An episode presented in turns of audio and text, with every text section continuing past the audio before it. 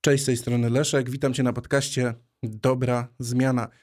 Podcast, w którym zmieniamy się, w którym rozwijamy się, korzystamy z psychologii, korzystamy z prawideł i zasad zdrowego rozwoju, po to tylko, żeby zmieniać się na lepsze. Dzisiaj pomówimy sobie o bardzo bliskiej mi idei, o postawie proaktywności, o ludziach reaktywnych, ludziach, którzy czekają na wszystko, czekają aż manna zleci im z nieba. No i pomówimy sobie o tym, jak ty możesz wdrożyć proaktywność do swojego życia. Zapraszam.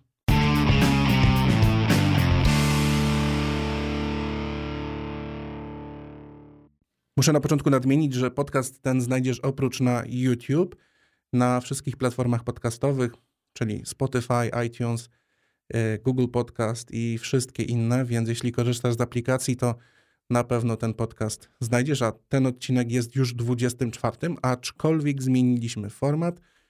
Jak zapewne stali słuchacze zauważyli, zrezygnowaliśmy z live streamów półtorej, dwugodzinnych na rzecz 10, 20, 30 minutowych odcinków poruszających jeden bardzo konkretny temat. Więc jeśli chcesz oglądać nasz podcast, no to subskrybuj kanał Przeciętny Człowiek w sieci Nieprzeciętnych Idei na YouTubie albo na aplikacjach podcastowych. Z czego na YouTubie możesz zostawić mi pod filmem komentarz i będą to pytania, które będę realizował w następnych odcinkach. Czyli możesz zostawić pod filmem konkretne pytanie na konkretny temat, najlepiej związany z mm, tematyką odcinka, a ja pod koniec następnych podcastów Będę wybierał najciekawsze pytania i na nie na podcaście krótko odpowiadał. Dobra, więc o co chodzi z tą proaktywnością? Dlaczego w ogóle warto być proaktywnym? Jest taka bajeczka, przepowiastka o tym, jak to konik polny wygrzewał się na słońcu, jak to spędzał sobie beztrosko lato, gwizdał sobie i relaksował się. No i tenże konik polny został, jego spokój zostało zakłócone przez y, mrówkę, która strasznie ciężko harowała. E, nosiła okruszki chleba i różne rzeczy, które znalazła w trawie, no i gromadziła w swoim kopcu. No i konik się tak z tej mrówki śmiał, no mówi, mrówka weź, że sobie daj na wstrzymanie, jest jeszcze całe lato, zdążysz sobie nazbierać na zimę, weź się zrelaksuj, jest miło i sympatycznie. Mrówka coś tam odburknęła, mówi, ty tak sobie teraz opowiadasz, a, a jak przyjdzie to do czego, to to zobaczysz, kto będzie lepiej przygotowany. Konik nic sobie z tego nie robił. W końcu fajnie relaksowało się przecież w lecie. No i co? No i przyszła zima. Konik zgłodniał, ale jak już poszedł coś polować, y, znajdywać jakieś pożywienie dla siebie, to okazało się, że wszystko przysypał śnieg. No i morał z tego prosty. Mrówka była świetnie przygotowana na przyjście zimy i śmiała się komnikowi w twarz. Ta prosta historyjka opowiedziana na tysiąc różnych sposobów, tysiącu różnych e, wersji, bardzo wyraźnie ilustruje różnicę między podejściem proaktywnym a reaktywnym, z czego w tym kontekście ona mi się trochę nie podoba, bo e, opowiada taką historię prepersa, czyli osoby, która szykuje się na nadchodzącą apokalipsę, że teraz, prawda, nadejdzie kryzys, więc wszyscy się musimy szykować i e, być proaktywnym z lęku, ze strachu przed nadchodzącą katastrofą. Oczywiście ta przypowiastka została napisana w czasach, gdzie e, głównym kultem, że tak powiem, była praca, główną wartością była praca. W czasach, gdzie dominowała filozofia tak zwana materialistyczna, bo jeśli już mówimy o filozofii materialistycznej, no to możemy sobie zestawić podejście proaktywne z reaktywnym jako e, zestawienie filozofii materialistycznej e, z filozofią postmaterialistyczną, czyli Ludzie proaktywni cenią sobie pracę, cenią sobie takie dobra, cenią sobie odkładanie na później, cenią sobie budowanie rezerw, budowanie majątku. Ludzie postmaterialistyczni cenią sobie doświadczenia. Czy to jest coś złego? Y, no nie, dopóki właśnie raz nie uderzy kryzys, ale bycie proaktywnym to jest coś jeszcze więcej niż tylko reagowanie na kryzys, jakby wyprzedzanie tych wszystkich złych rzeczy, które mogą mogą nas spotkać. To są dwie rzeczy: wychodzenie naprzeciw okazjom i odpowiedzialność. I teraz zaczynając od okazji. Miałem taką sytuację, e, kiedy prowadziłem swoją pierwszą działalność gospodarczą. E, to było w 2007-2008 roku, kiedy miałem całkiem już rozwiniętą tą działalność. To było studio graficzne. I zdarzały mi się zapytania już po, to był drugi, trzeci rok w zasadzie prowadzenia mojej działalności, zdarzały mi się zapytania już naprawdę duże, dużego kalibru, czyli mm, dla mnie to był na przykład skład y, 1500 stronicowego katalogu narzędzi. Przepotężne y, zlecenie. No i teraz myk polega na tym, że ja nawet wtedy nie byłem do końca gotowy na takie zlecenie, a już nie mówiąc w pierwszym roku swojej działalności albo w zerowym roku swojej działalności. Jakby chodzi o to, że cały czas w życiu spotykają nas różne okazje, szanse. Przykład inny, okazja do podjęcia pracy. Pamiętam bardzo dobrze, jak na początku mojej ścieżki, kiedy mm, y, zacząłem pracować jako, jako sprzedawca, jako handlowiec, zacząłem się kształcić w tym, w tym kierunku, już jakby obrałem sobie tą specjalizację. Dostałem bardzo szybko propozycję objęcia kierowniczego stanowiska. Nawet, nawet nie jestem pewien, czy to się nazywało dyrektor albo na jakieś górnolotnie brzmiące stanowisko w firmie finansowej za jak na 2009 rok albo 10 e, za bardzo dobre pieniądze w Bielsku Białej, e, za czterocyfrową sumkę netto na rękę. To były naprawdę obłędne pieniądze i muszę przyznać, że nie mogłem przyjąć. Mimo, że oferował mi to, prawda, ktoś, no mogłem to przyjąć, ale oczywiście bym się, bardzo szybko by wyszła moja niekompetencja. To nie chodzi o to, że ja nie byłem proaktywny. Proaktywność to nie znaczy tak, zgadzam się, odpowiadanie tak, zgadzam się na wszystkie takie okazje, tylko chodzi o to, że mm, żeby być w życiu gotowym na przyjęcie jak najwięcej, największej ilości szczęśliwych okazji, które cię spotykają. No bo jeśli mówimy o szczęściu, o wypadkach, to możemy mówić o wypadkach nieszczęśliwych i szczęśliwych. No i oczywiście wypadki szczęśliwe, y, wypadki nieszczęśliwe to są takie, które, których nie unikniemy. No i, i no, zawsze jesteśmy gotowi na złamanie ręki. Zawsze jesteśmy gotowi na to, żeby ktoś nas zwolnił, żeby na, na nie wiem, na bankructwo, na jakiś, y, na jakiś nieprzyjemny spadek, na coś, co naprawdę nie jest mile widziane. Zawsze jesteśmy na to gotowi. Ale nie zawsze jesteśmy gotowi na przyjęcie szczęścia, czyli na przykład właśnie na propozycję, wyjątkową okazję podjęcia jakiejś naprawdę bardzo korzystnej pracy nie jesteśmy zawsze gotowi na, y, na jakąś inicjatywę, na, na przykład na wejście w spółkę. I to gotowi w sensie nie, że powiemy tak, a potem się martwimy, tylko gotowi merytorycznie, y, że jesteśmy w stanie sprostać danemu zadaniu. Więc bycie proaktywnym to bycie gotowym na, y, na tą okazję, wychodzenie naprzeciw tym, tym okazjom. I to bardzo charakteryzuje właśnie ludzi, którzy prowadzą własne, własne firmy, bo Powiem tobie tutaj słuchającemu, że jeśli nigdy nie prowadziłeś działalności dłużej niż, niż rok czy dwa, to możecie zaskoczyć, że w prowadzeniu działalności mało rzeczy jest tak dobrze przewidywalnych. To znaczy, bardzo dużo rzeczy w takiej małej działalności przypomina jazdę we mgle. Ty nie wiesz do końca, co jest za zakrętem. Oczywiście, możesz mieć plany, możesz mieć biznesplany, możesz mieć już jakieś kontrakty podpisane i one w jakiś tam sposób determinują to, gdzie się znajdziesz za, za, za kilka miesięcy, za, za rok, ale bardzo dużo dostajesz zapytań. No bo jeśli prowadzisz jakąś działalność, ona jest zauważana, to dostaje się zapytania. I te zapytania potrafią naprawdę zaskakiwać. I muszę ci się przyznać, teraz jak rozmawiamy, że na przykład moje studio animacji, które założyłem trochę ponad dwa lata temu, obecnie realizuje zlecenia, dajmy na to, do jednego z programów TVN-u. Świetna rzecz. Ale dwa lata temu ja nie byłbym gotowy na przyjęcie takich zleceń. Dopiero teraz jesteśmy gotowi na przyjęcie tego typu zleceń. Ale jesteśmy gotowi, dlatego że byliśmy proaktywni. To znaczy, że przez te dwa lata uczyliśmy się, jak robić animacje, jak nabrać tempo produkcji, jak sprostać pewnym wymaganiom. I tak jest z wieloma tematami.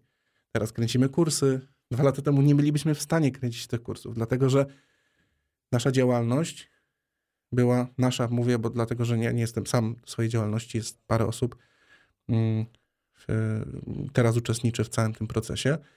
Przygotowywaliśmy się parę lat do tego, żeby y, móc robić coraz lepsze zlecenia, czyli korzystać z okazji, które się y, niewątpliwie przytrafiają. Nazwijmy to szczęśliwe wypadki.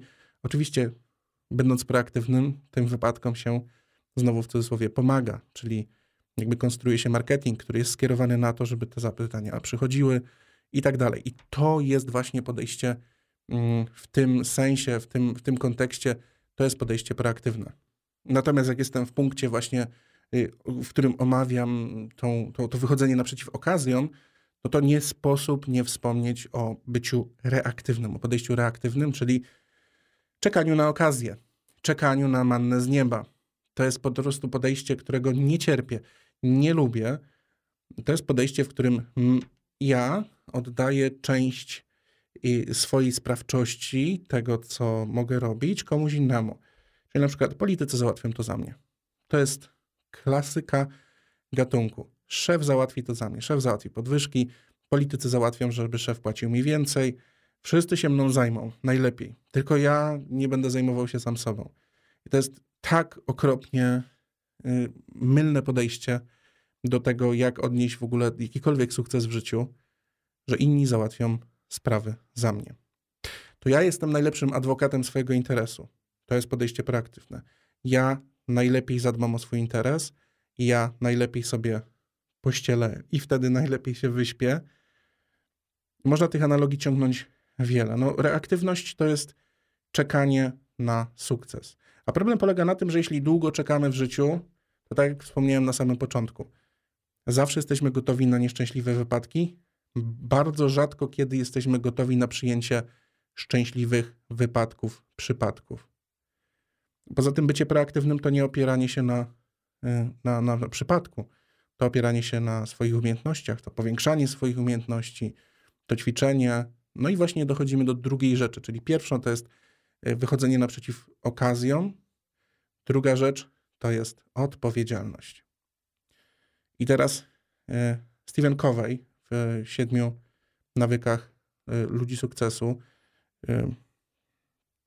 skądinąd doskonałej książki, bardzo fajnej, jeśli chodzi o początek rozwoju osobistego, jeśli zaczynasz swoją przygodę z rozwojem osobistym, to Stephen Covey i 7 nawyków ludzi sukcesu to jest książka dla ciebie. I ona może mieć taki trochę tandetnawy tytuł, ale to jest naprawdę mądra książka i jednym z nawyków jest, e, bodaj szóstym jest proaktywność i on opisuje taką analogię związaną z odpowiedzialności, z odpowiedzialnością, czyli e, analogię góry.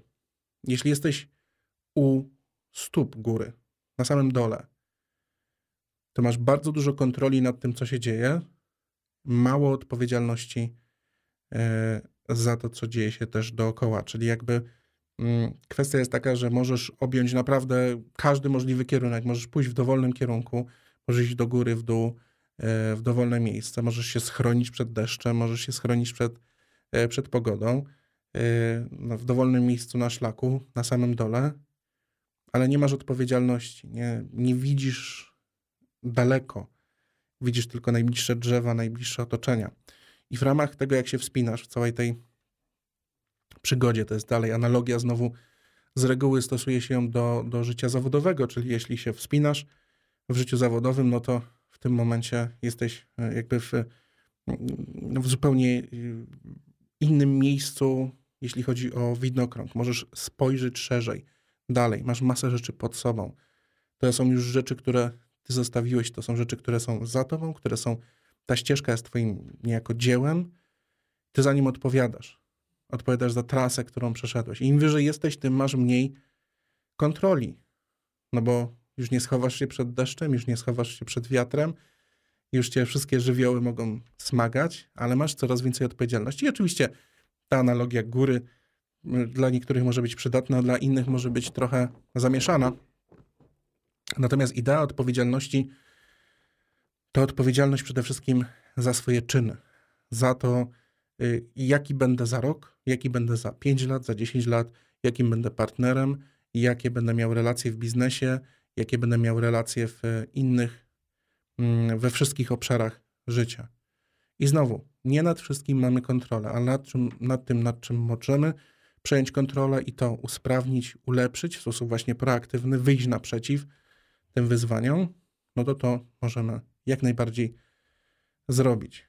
Więc mamy podejście odpowiedzialne i podejście, w którym mamy bardzo mało odpowiedzialności. Nie mówię nieodpowiedzialny, dlatego że bycie reaktywnym to nie znaczy być nieodpowiedzialnym, tylko być osobą, która unika podjęcia odpowiedzialności za swoje dobro. On, ona przekazuje tą odpowiedzialność innym czynnikom, na przykład właśnie państwu, y, politykom, y, szefowi firmy.